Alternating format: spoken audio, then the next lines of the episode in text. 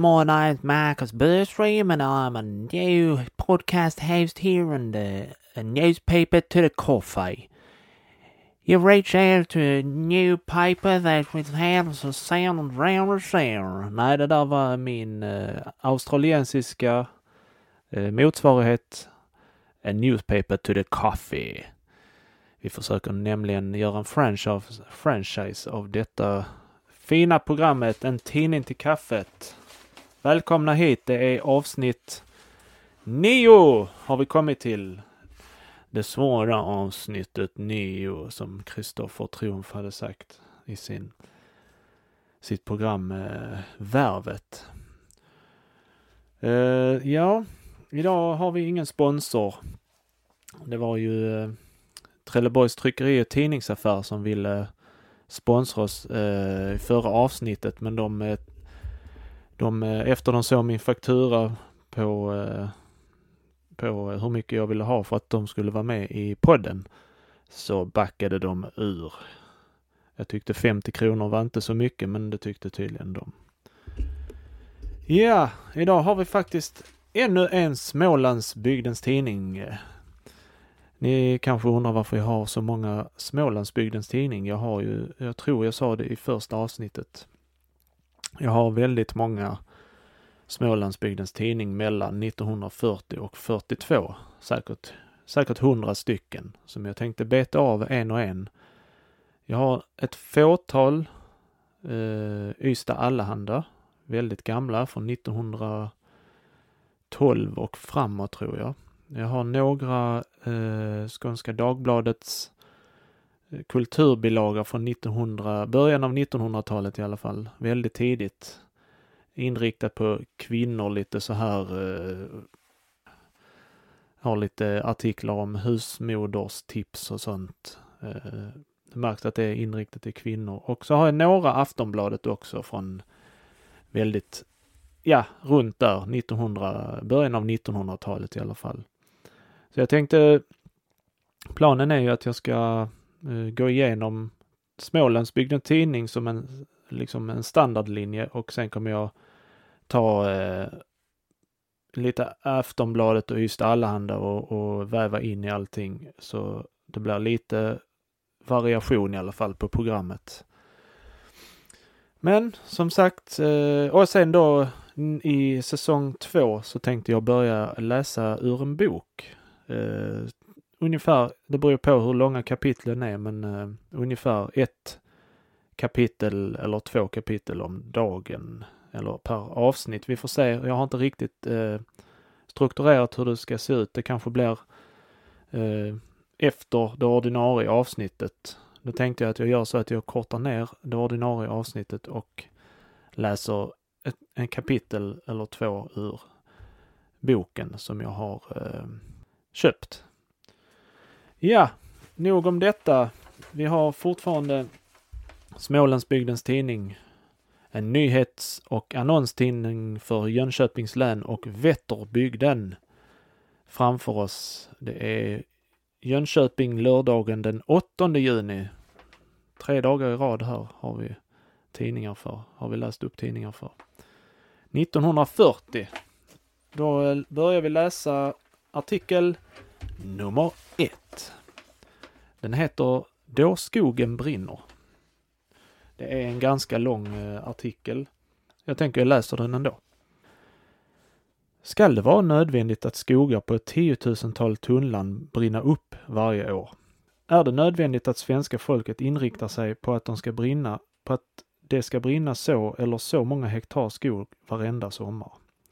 Ska det vara absolut nödvändigt att så eller så många miljoner måste gå upp i rök? Och bara därför att svenska folket inte vill släppa efter, släppa efter en liten smula på sin bekvämlighet att utan vidare få slänga ifrån sig en cigarettstump eller en urdrucken butelj. Kom ihåg att glasbitarna verkar som brännglas och antända. Detta har hänt och kostat miljoner och det händer allt fortfarande, tyvärr. Det talas om samhällsanda, men var finns den hos alla dessa individer som utan att reflektera kastar bort den icke släckta cigarettstumpen eller buteljen?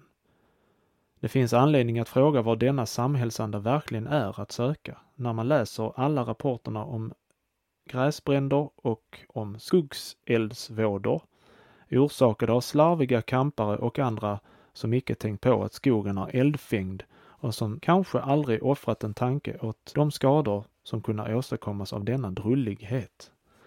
Var finns den svensk mannaanda som just nu behövs mer än någonsin när slarvet och lättsinnet får göra sig breda, när ingen hänsyn tas till risker eller faromoment? Här gör kamparen upp sin lägereld. Här slängs cigarettstumpar och tändstickor utan den minsta tanke på att det kan medföra risk för skogen. Men de allra flesta tänker inte på att det kanske inte behövs mer än en enda gnista för att skogen ska börja brinna.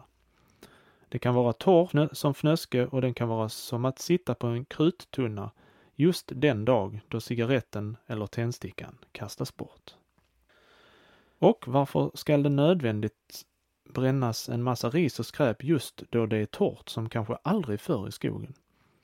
Man tror visserligen att man är herre över elden, men är det då alltid så säkert? Förvisso inte. Och inte är vi väl heller några särskilt betjänta av att syndaren får ett eftertryckligt straff för sitt slarv och lättsinne. De dagsböter han blir dömd till må vara straff nog för honom, men de värden som gått förlorade, eller de värden han satt på spel, eller de massor av folk som han satt på fötter, de hade kunnat användas till något nyttigare arbete just då, de själva och landet till fromma. Vi har icke så mycket folk det, i detta land att det finns att tillgå för att släcka skogsbränder, när helst det behagar en drulle, hårt sagt, att sabotera gott uppförande genom att ställa till med skogseldvådor. Vårt folk behövs nu i beredskapstjänst. Det behövs att sköta den svenska jorden. Det behövs för luftbevakning, för hemvärn och luftskydd. Men sannoliken om det finns tid över för att ställa till rätta eller minska skadeverkningarna efter dem som genom slarv, lättsinne eller med berått mod satt eld på våra skogar. För varje svensk man och kvinna är det i dessa dagar mera än någonsin förr en bjudande nödvändighet att se upp med alla dessa drulliga personer. Slarv och lättsinne frodas hos alla, men det får icke komma till uttryck hos någon svensk. Vi måste alla som en man värna de tillgångar och de värden som vi förfogar över. Och skogen är just nu vårt måhända allra största värde, den dyrbaraste tillgång vi äger. Den får alltså inte förstöras genom ovarsamhet, genom drumlig risbränning, därför att lägereldarna inte blivit ordentligt släckta eller därför att cigarettstumpar eller tändstickor kastats bort ovarsamt eller glasbitar kommit för att tjäna som brännglas i solen. Skogen är vår nationalförmögenhet och det är hela vårt samhälle beroende av. Den är något som vi alla måste vårda och skydda, nu och alltid. Nu alldeles särskilt. Skydda den själv, vårda den själv, se till att den skyddas, skydda den mot varje skadegörare. Där var det slut på den första artikeln här.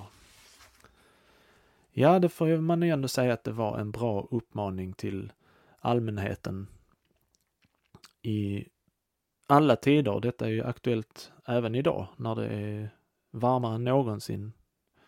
Det är ju bara att titta på Kanada som för något år sedan hade över 50 grader. Det är ju helt otroligt. Men som sagt, det är en bra uppmaning till eh, folket här på sommaren. Ja, då har vi nästa artikel som är apropå för något år sedan träffade jag en turistande amerikansk dam. Då samtalet kom in på Sverige och hennes intryck härifrån hade hon knappast ord nog för allt beröm. beröm. Damen var journalist och samtalet kom även att beröra den svenska pressen. Jag gav henne en tidning. Hon hade nämligen trots att hon var hundraprocentigt amerikanska gjort sig besväret att lära sig vårt språk. Då det blåste en ganska frisk sommarvind hade hon vissa svårigheter att läsa tidningen de stora tidningsbladen fladdrade hit och dit. Efter en stund anmärkte hon syrligt att även tidningar i Sverige skulle vara bra om formatet varit mindre och innehållet mera koncentrerat. Förutom att man fick tid att läsa tidningarna grundligare hade det den fördelen att man kunde ha dem i väskan. I dessa dagar har tidningarna blivit mindre om inte till formatet så dock till sidantalet. Vi måste följaktligen konstatera att de blivit mera koncentrerade och enligt amerikanskan lättlästare, vilket kan behövas nu i sommarvärmen. Det var visst under förra världskriget som den slanka linjen blev på modet. Då var den naturlig och hade sin första orsak i undernäring. Efter kriget hade vi vant oss vid den, men då välståndet steg blev det svårare att behålla den. Då försökte man med avmagringskurer. Under senare år har det blivit modernt med något fylligare former och man har kunnat läsa annonser som dessa. Ingen benget längre och fylligare charm. Nu ser det ut som att vi på allvar måste draga åt svångremmen. Det blir ständigt nya ransoneringsåtgärder och håller dessa på länge blir det svårt för många att hålla formatet. I en dansk tidning läste jag att danskarna hade gått in för en slankare linje. Enligt samma tidning skulle det bli gemytligare så. Jag har annars hållit danskarna för en gemyt, ett gemytligt folk, även om de har varit något fylliga. Bara det inte istället blir så att gemytligheten blir mindre än med formatet. Häromdagen träffade jag ABFs bibliotekarie i Värnamo, herr Karlström. Han hade tydligen något på hjärtat och bad mig därför följa med upp på biblioteket. Väl ditkomna visade sig att hans avsikt var att förmå mig att inköpa en del böcker. Då jag emellertid inte ansåg mig ha råd att hålla mig med ett eget litet bibliotek förde jag samtalet in på en annan linje och passade härvid på att fråga herr Karlström om sanningshalten i följande historia, vilken han vitsordade. En ung man från Värnamo inträdde ABFs bibliotek, gick fram till bibliotekarien och frågade Kan jag få byta ut dessa två böcker? Då bibliotekarien frågade om det skulle vara två böcker denna gången också, fick han till svar. Nej, denna gången ska det vara en bok som går i fickan. Boklånaren skulle gå på bio och därför ville han ha en bok med mindre format, medan däremot innehållet var av underordnad betydelse. Smalt och behändigt till formatet är tidens krav på många områden. Det var slut på artikeln. Signaturen Läge. Ja, här läste vi om att modet gick mot mindre och behändiga format. Ja, då vänder vi på sidan och kommer till en intressant artikel, enligt mig själv, som heter Vart ska tyrolaren taga vägen? Den börjar så här. En tyrolare vid namn Anton Josef Neumeier vistas för närvarande i Haparanda och begär svensk asylrätt. Han är 30 år gammal och född nära Innsbruck. Vid 17 år var han utlärd finsnickare men rymde för att slippa misshandel av sin fosterfar och kom till skidfabrik, till en skidfabrik i Oslo. Sedan flackade han omkring på olika platser i Sverige och kom till, slutligen till Murmansk. Då ägnade han sig ämnade han sig till Alaska för att bli guldgrävare, men de ryska militärmyndigheterna satte honom istället i fängelse, där han fick bli i tre månader. Genom tyske konsulns arbete blev han fri och sändes till Tyskland, men efter en dag var han åter på vandring norrut via Baltikum och Finland. På våren 1933 blev han renskötare hos en finlapp i Passijärvi. Fem år var han där innan det konstaterades att han saknade arbetstillstånd. Den finska statspolisen förvisade honom till Tyskland där han var till i mars i fjol. Han blev nu inkallad till militärutbildning men erhöll tillstånd att resa till Finland för att hämta de pengar han under åren sparat och gömt där. Neumeier ämnade ej återvända utan fick ånyo plats som renskötare och åter var den finska statspolisen efter honom. Han höll sig nu undan i skogarna nära norska gränsen tills kriget mellan Sovjet och Finland bröt ut. Här hade han också träffat en jämnårig lappkvinna som förljuvade hans tillvaro i ensamheten. Sedan krigspolisen hotat att fängsla hans husbonde Ole Kitty i Passijärvi. Om icke Neumeier gav sig till känna anmälde han sig självmant hos polisen och satt i häkte i Rovaniemi i 21 dagar medan de ryska flygarna fällde sina bomblaster över samhället. En gång kom en bombskärva flygande in genom fönstergluggen som en hälsning från civilisationen där utanför. Via fängelserna i Kemi och Tornio kom han så till Haparanda, där han nu begär asylrätt samt arbetstillstånd att bli renskötare hos lappen Lars Mattias i Jokkmokk, med vilken han säger sig ha brevväxlat. Om icke denna framställning bifalles anhåller han om att få fara till Grönland, där han vill hjälpa danskarna att införa renskötsel. Neumeier talar svenska, norska, lappska och något finska, men behärskar inte högtyska. Statsfiskal Jansson, liksom de övriga poliskåren i Haparanda, har fått den uppfattningen att Neumeier är fullt ärlig och ur alla synpunkter ofarlig. Han har goda kunskaper i renskötsel och efter, eftersom det råder brist på renskötare i Sverige ämnar statsfiskalen hos Socialstyrelsen tillstyrka bifall till Neumeyers anhållan om uppehålls och arbetstillstånd. Slut på artikeln. Det var väl en intressant artikel om en tyrolare som hade spring i benen. Man kan säga att det var en man som behövde frihet och svängrum. Och det fick han ju i Lappland. Helt enkelt en härlig historia.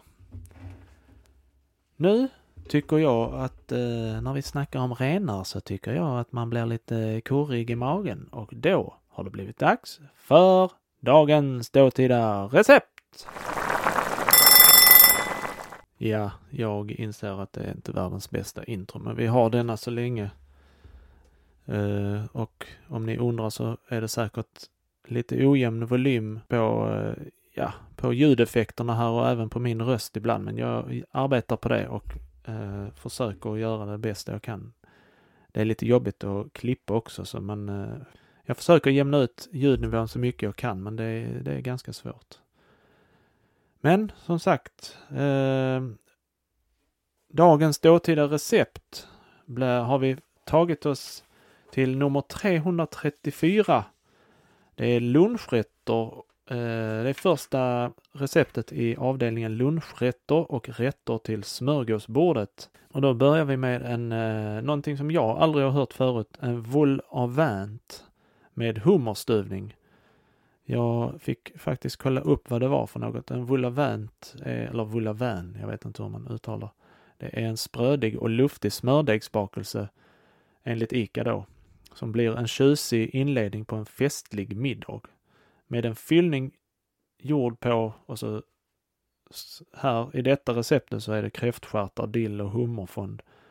Får, elegant, får rätten en elegant touch av 1920-talets svenska finrum Bon appetit! Och eh, det var denna jag tänkte att vi skulle läsa. Då behöver man smördeg, en sats fin smördeg, smör, kräftsmör, mjöl, gräddmjölk, äggula, en burk med hummer, salt, vitpeppar och socker. Beredningen är Smördegen beredes på vanligt sätt och kavlas ut till en och en halv centimeter tjocklek. Av degen utspåras en 3 till 4 centimeter bred ring i omkrets passande till det fat på vilken vulavanten skall serveras. Denna ring placeras på en vattensköljd plåt. Den övriga degen spåras ut till remsor, vilka läggas på plåten och flätas samman till ett rutat lock passande till ringen. På kanten av locket läggs en remsa av degen. Ring och lock penslas med uppvispat ägg. Smördegen gräddas väl i het ugnsvärme. Till stuvningen fräsas smör och mjöl tillsammans. Gräddmjölken spädes på och såsen får koka 10 minuter varefter den redes av med äggulan. Till sist tillsättes hummern skuren i mindre bitar och stuvningen smakas av med kryddorna. Andra stuvningar som lämpar sig att servera i en volavent är finare fiskstuvningar, svampstuvningar och grönsaksstuvningar, stuvning av bräss och svamp med flera. Volavent kan även form formas som en stor bouché. Som jag inte heller vet vad det är, men det var, lät väl smaskigt va? En lunchrätt med smördeg. Det är inte ofta man, man får sig en sån. Ja, då går vi över från mat till eh, skytte. Det är nämligen en artikel som heter Den inkallade sköt skarpt mot polisen. Sinnessjuk beredskapsman vållar kalabalik i Uppsala.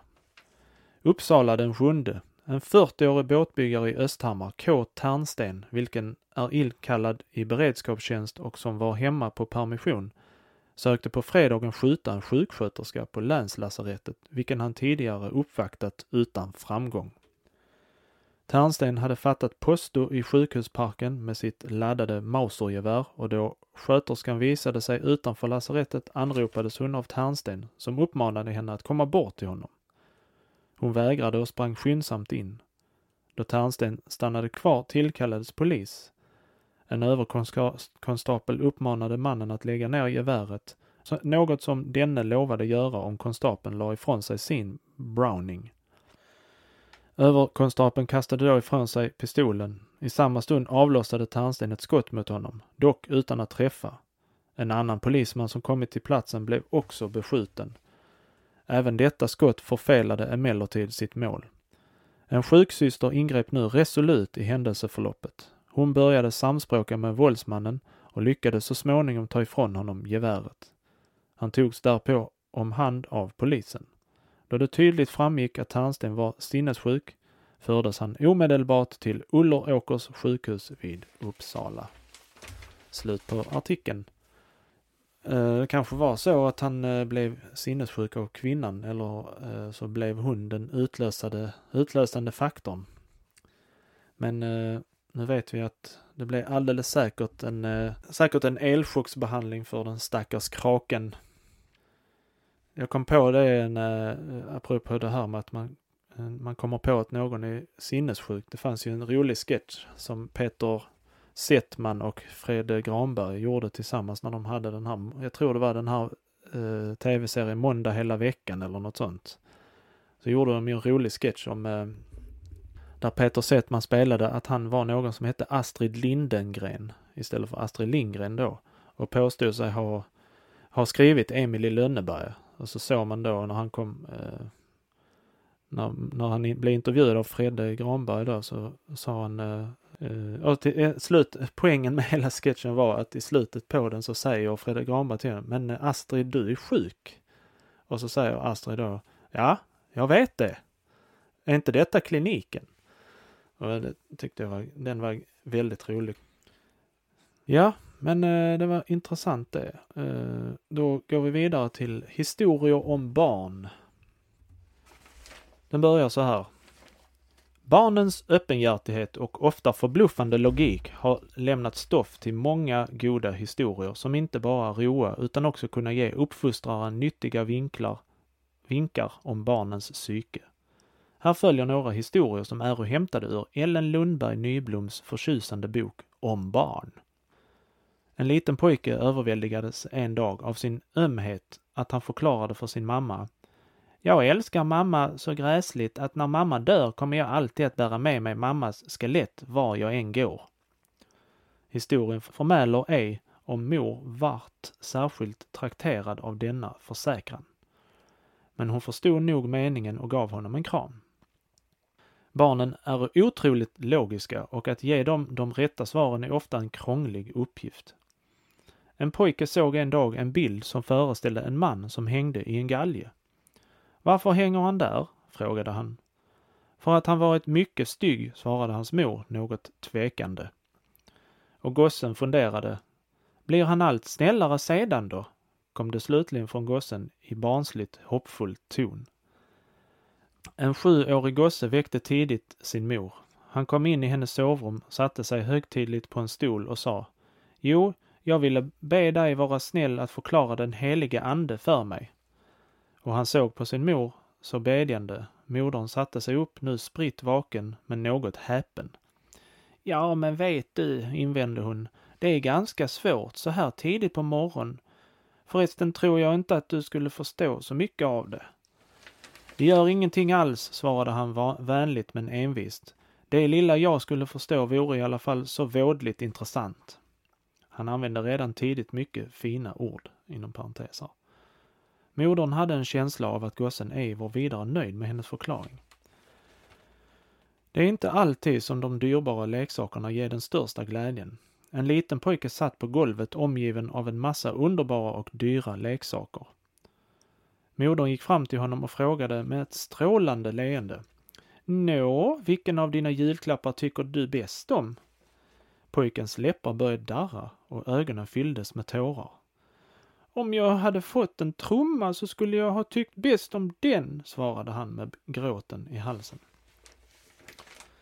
De flesta barn är av naturen känsliga, fast en nu ganska snart bemödar sig att dölja det och hellre visa sin karska och hellre visa sig karska och oberörda. En halvvuxen pojke hade firat jul hos sin mormor, som han tyckte mycket om. Men det kunde han aldrig få över sina läppar. När han reste omfamnade han henne dock, men helt hastigt och stack samtidigt en ihopvikt papperslapp i hennes hand. Då bilen hade kört öppnade hon den och läste. Älskade mormor. Tack för jul. Jag älskar dig och kommer att sakna dig ohyggligt. Kram. Hans muntliga farväl hade varit mycket kyligt och tafatt. Slut på artikeln. Det var ganska rolig. Eh, barn är ju barn, men den sista artikeln var faktiskt, eh, den sista delen i artikeln var väldigt eh, fin, får man säga. Ja, vi går vidare här till nästa, hoppar raskt över till nästa artikel här. Studentavslutning märkt av tidens oro. Om än med svärdet i hand vill jag vi se in i en ödestung framtid. Det var inte så positivt får man ju inte säga. Här tänkte jag att jag läser första och sista stycket. Nej, jag läser bara det sista stycket här. Det är ju som sagt, eh, de förklarar här att de har tagit studenten och vilka det är. Men i slutet här så har faktiskt eh, eleverna skrivit en, eh, hållit ett tal till eh, eh, sin rektor. Eh, det tyckte jag var ganska fint. Det låter så här.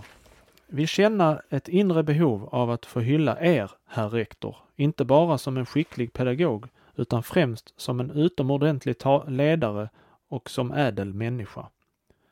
För vårt inre öga har genom edra gärningar tecknat idealet för den svenska man som genom sina stora andliga gåvor och sin orubbliga moraliska kvalitet utgör en av vårt samhälles stöttepelare. Då andra pessimistiskt i dessa orostider ser på oss unga har ni, herr rektor, genom era fasta, er fasta beslutsamhet, er pliktkänsla, er ljusa tro på framtiden, på ungdomen, inspirerat oss till en ny syn på kommande dagar.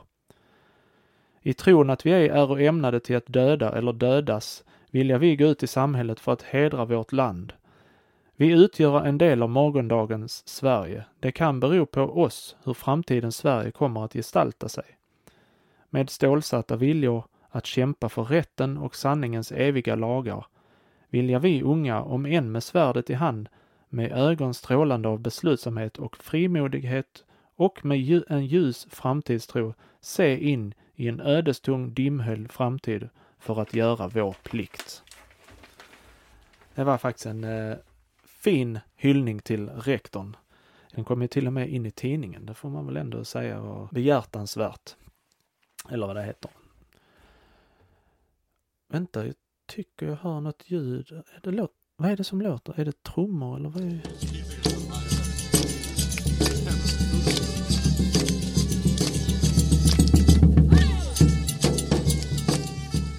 Just precis, det var trummor och det betyder att det har blivit dags för det omåttligt populära inslaget Veckans Viking. Och då har vi faktiskt en insändare här. Det är eh, från min storebror Mattias Bergström som har skickat in en eh, artikel ifrån Svenska Allehanda 1888. En stark kar. Då extra stationskaren i Östersund, O Linder, i tisdags eh, skulle sammankoppla några vagnar råkade han snava över en så kallad stödräls och föll så att hans ena ben kom under vagnshjulet. Så obetydlig var dock vagnarnas fart att hjulet icke rullade över benet utan släpade Linder med tills vagnarna stannade. Benet hade då uppifrån höften ned till vaden blivit alldeles renskrapat från kött så att endast benpipan fanns kvar. Linder behöll dock sans och fattning ovanligt väl, säger Jämtlandsposten. Icke ett skrik eller ljud av smärta kom över hans läppar och då han väl blivit lösgjord satte han sig upp och började själv rengöra sitt gräsliga sår från klädtrasor och dylikt. På ett i hast framkört lokomotiv blev han forslad till lasarettet där benet blev amputerat ungefär mitt över låret. Operationen lyckades förträffligt och patienten befann sig i onsdags tämligen kry efter omständigheterna. Dock berodde det av hans motståndskraft som icke syntes vara mycket stor hur utgången blir. Linder var en helt ung man, endast 22 år, av ett synnerligt fördelaktigt yttre. Han är gift sedan kort tid tillbaka. Hans första omsorg efter olyckan var också att bedja de tillstädesvarande varsamt underrätta hans unga hustru om vad som skett. Slut på artikeln. Det får man ju ändå säga var verkligen var väl värd veckans Viking. Ja, då går vi vidare. Då ska vi gå till eh, sidan 6 här. Det ska handla om eh, Cykelfrämjandets trafikmaningar. Det är några punkter här som eh, de tycker är värda att eh, betona. 1. Kör med omdöme och visa alltid hänsyn till andra trafikanter. Ge tydlig 2. Ge tydlig hänvisning med armen vid förändring av körriktning och ge stoppsignal vid avstigning. Passera gatuhörn, gatukorsningar och vägskäl försiktigt. 3. Iakttag och följ noga signaler och tecken från andra trafikanter och var noga med att åtlyda övriga trafikhänvisningar. 4. Korsa inte plötsligt väg eller gata utan att först se till att andra trafikanter inte befinner sig för nära. 5. Följ alltid vägens vänstra sida. Möt till vänster men passera andra trafikanter till höger. 6. Vid signal för omkörning, håll noga till vänster och giv med tydligt tecken till känna att omkörning får ske. 7. Studera noga vägtrafikstadgan och inlär varningssignalerna. 8. Kör ej bredd med andra cyklister och åk aldrig två på samma cykel. 9. Åk aldrig utan tänd lykta efter mörkrets inbrott och se till att kattögat är korrekt och att broms och signalklocka fungerar. 10. Öva inte konståkning på väg, gata eller annan plats. Kanske eh, lite väl eh, extrem eh, uppmaning men jag tycker ändå att eh, det var ändå en bra uppmaning för att detta här skulle präntas in i varje skolungdoms huvud. Det, det, det görs kanske det men jag tycker att det borde upprepas liksom en gång varje år för att eh, det ska sätta sig i allas huvud. Det borde finnas en obligatorisk utbildning till att få börja cykla eh, på något sätt. Kanske inget körkort. Cykling ska ju ändå vara frihet. Men det finns så många idioter ute i trafiken så vi måste utbilda folk på ett, ett fint sätt för att vi ska lära oss vad som gäller i trafiken. Jag kommer ihåg när jag var liten, då fick vi, då hade vi en utedag där vi tog med vår egen cykel och så skulle vi lära oss att cykla och ge, ge varningstecken och, och, och lära oss hålla balansen och så på cykeln.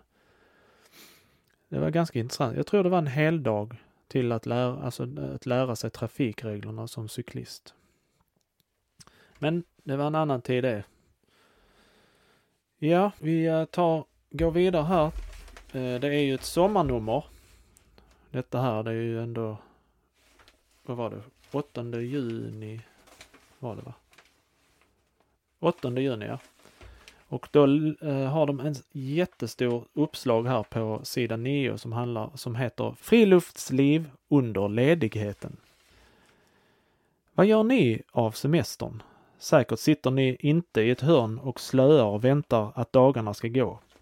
Kanske hör ni till de spänstiga och sätter, upp er, på, sätter er upp på cykeln för att tillryggalägga en god bit av Sverige på de dagar som står er till buds. Det är inget dumt sätt. Det kan ju hända att solen bränner lite väl kraftigt på ryggen när milen läggs, lägges till mil och himlen är molnfri och klarblå, men sådant vänjer man sig snart vid. Och ni har den trösten att ni förväxlas, att ni förväxlas med en neger från Centralafrika vid hemkomst, hemkomsten. Och, har, och det har ni förstås ingenting emot eftersom de mörka, den mörka hudfärgen är ett för alla synligt bevis på att ni har ljuvliga och solomstrålade dagar bakom er. Cyklingen har dessutom den fördelen att ni kommer i intimare kontakt med naturen, kommer mera in på den. Och så har ni inga tidtabeller att ta hänsyn till. Ni kan stanna och vila ut i vilken dunge som helst och det angår ingen var ni parkerar. Möjligen angår det markägaren, men honom klarar ni säkert av med era med, med, medfödda charm och ert förtjusande leende. Och myggorna som behändigt kilar in i alla öppningar i tältet, om ni nu bor i tält, vilket ni naturligtvis gör på en cykelsemester, vänjer man sig vid så småningom, när de älskliga små djuren bitit er kropp okänslig. Vad spelar det förresten för roll med sådana bagateller eller en störtskur just som ni ska slå upp ert tält? Ni har i alla fall levat friluftsliv tillsammans med moder naturen och ni har lapat sol och badat i varje sjö ni passerat och med förtjusta ögon stirrat på alla de vackra utsikterna efter vägen. Det är saker som uppväger de små obehagen flera gånger om. Järnvägs och båtresor har också sin tjusning.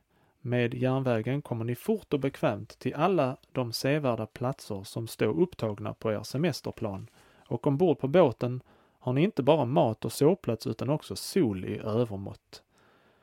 Och känner ni er en smula trött behöver ni bara sitta bekvämt tillbakalutad i en däckstol och ändå vara i tillfälle att idka friluftsliv. Det finns många andra sätt att fira semestern på. Skärgårdspensionatet och alla de andra tillflyktsorter inne i landet, inne i landet där man tar emot gäster lockar under sommarens varma dagar. Ni har behagliga dagar framför er, stiger upp på morgonen och metar upp ett par abborrpinnar att presentera pensionatsvärdinnan till frukosten. Ni tar ett dopp fram på förmiddagen, en promenad efter lunchen, ett parti badminton fram på eftermiddagen och en stilla konversation när solen sjunker i väster. Kanske tar ni pensionatets sötaste unga kvinnliga gäst med er ut på en kvällspromenad ut med stranden för att upptäcka om månen och kvinnohjärtat är sig lika.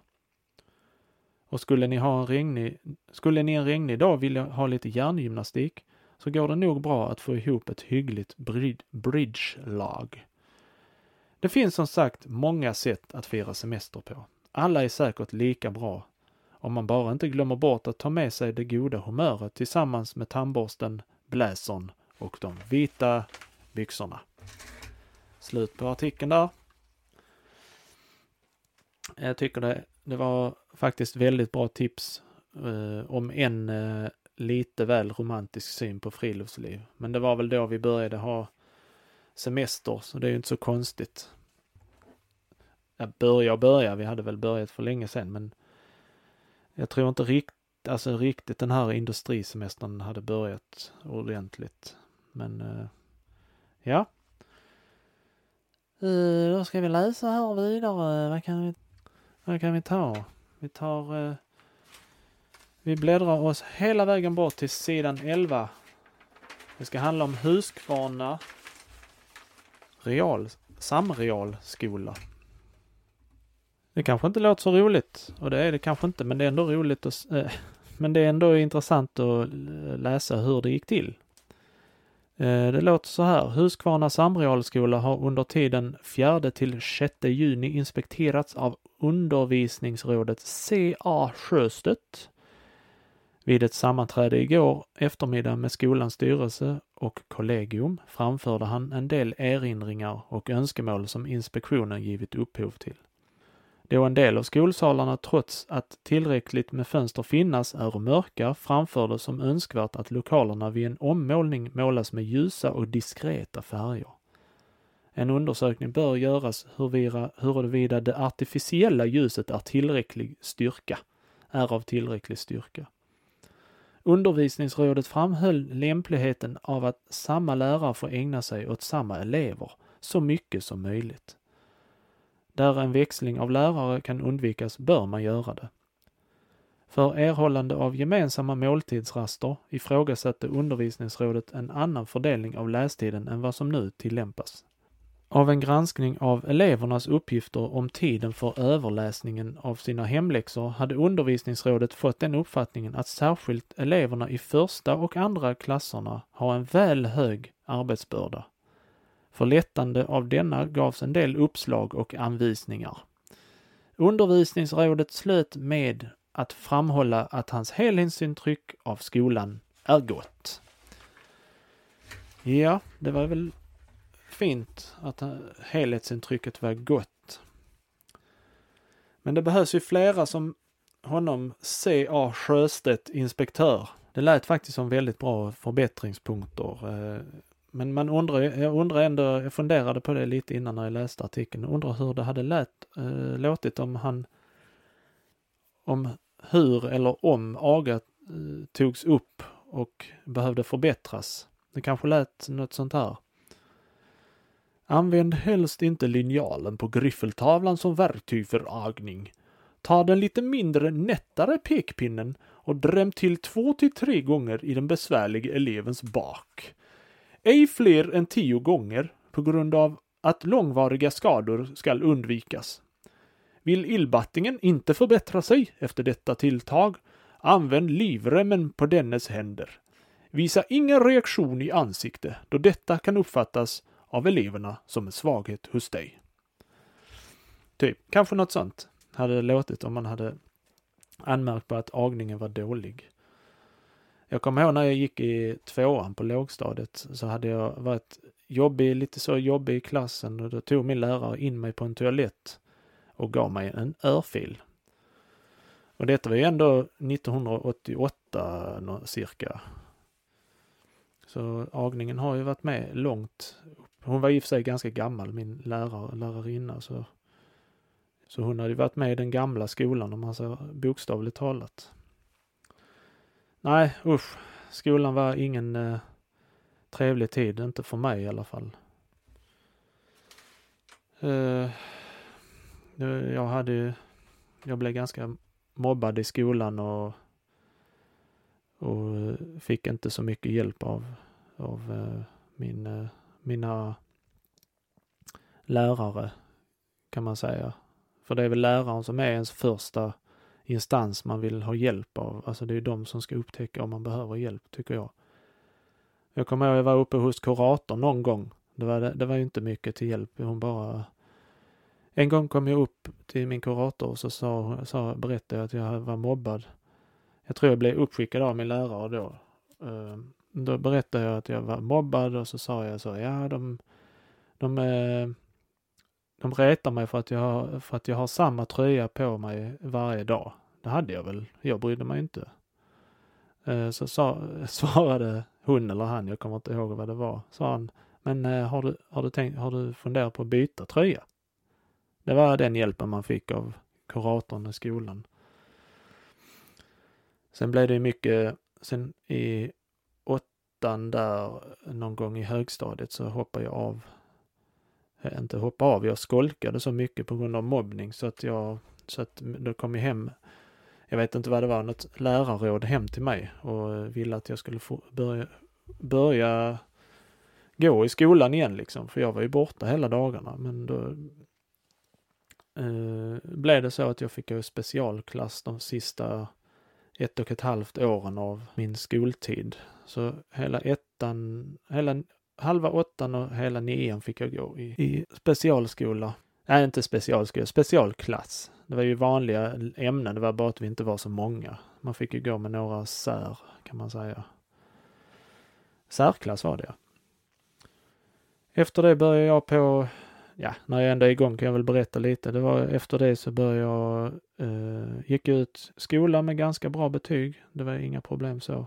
Det var bara Matte var väl det enda jobbiga. Vi började på eh, gymnasiet på eh, fordonslinjen. Tänkte att jag skulle bli eh, lastbilsförare.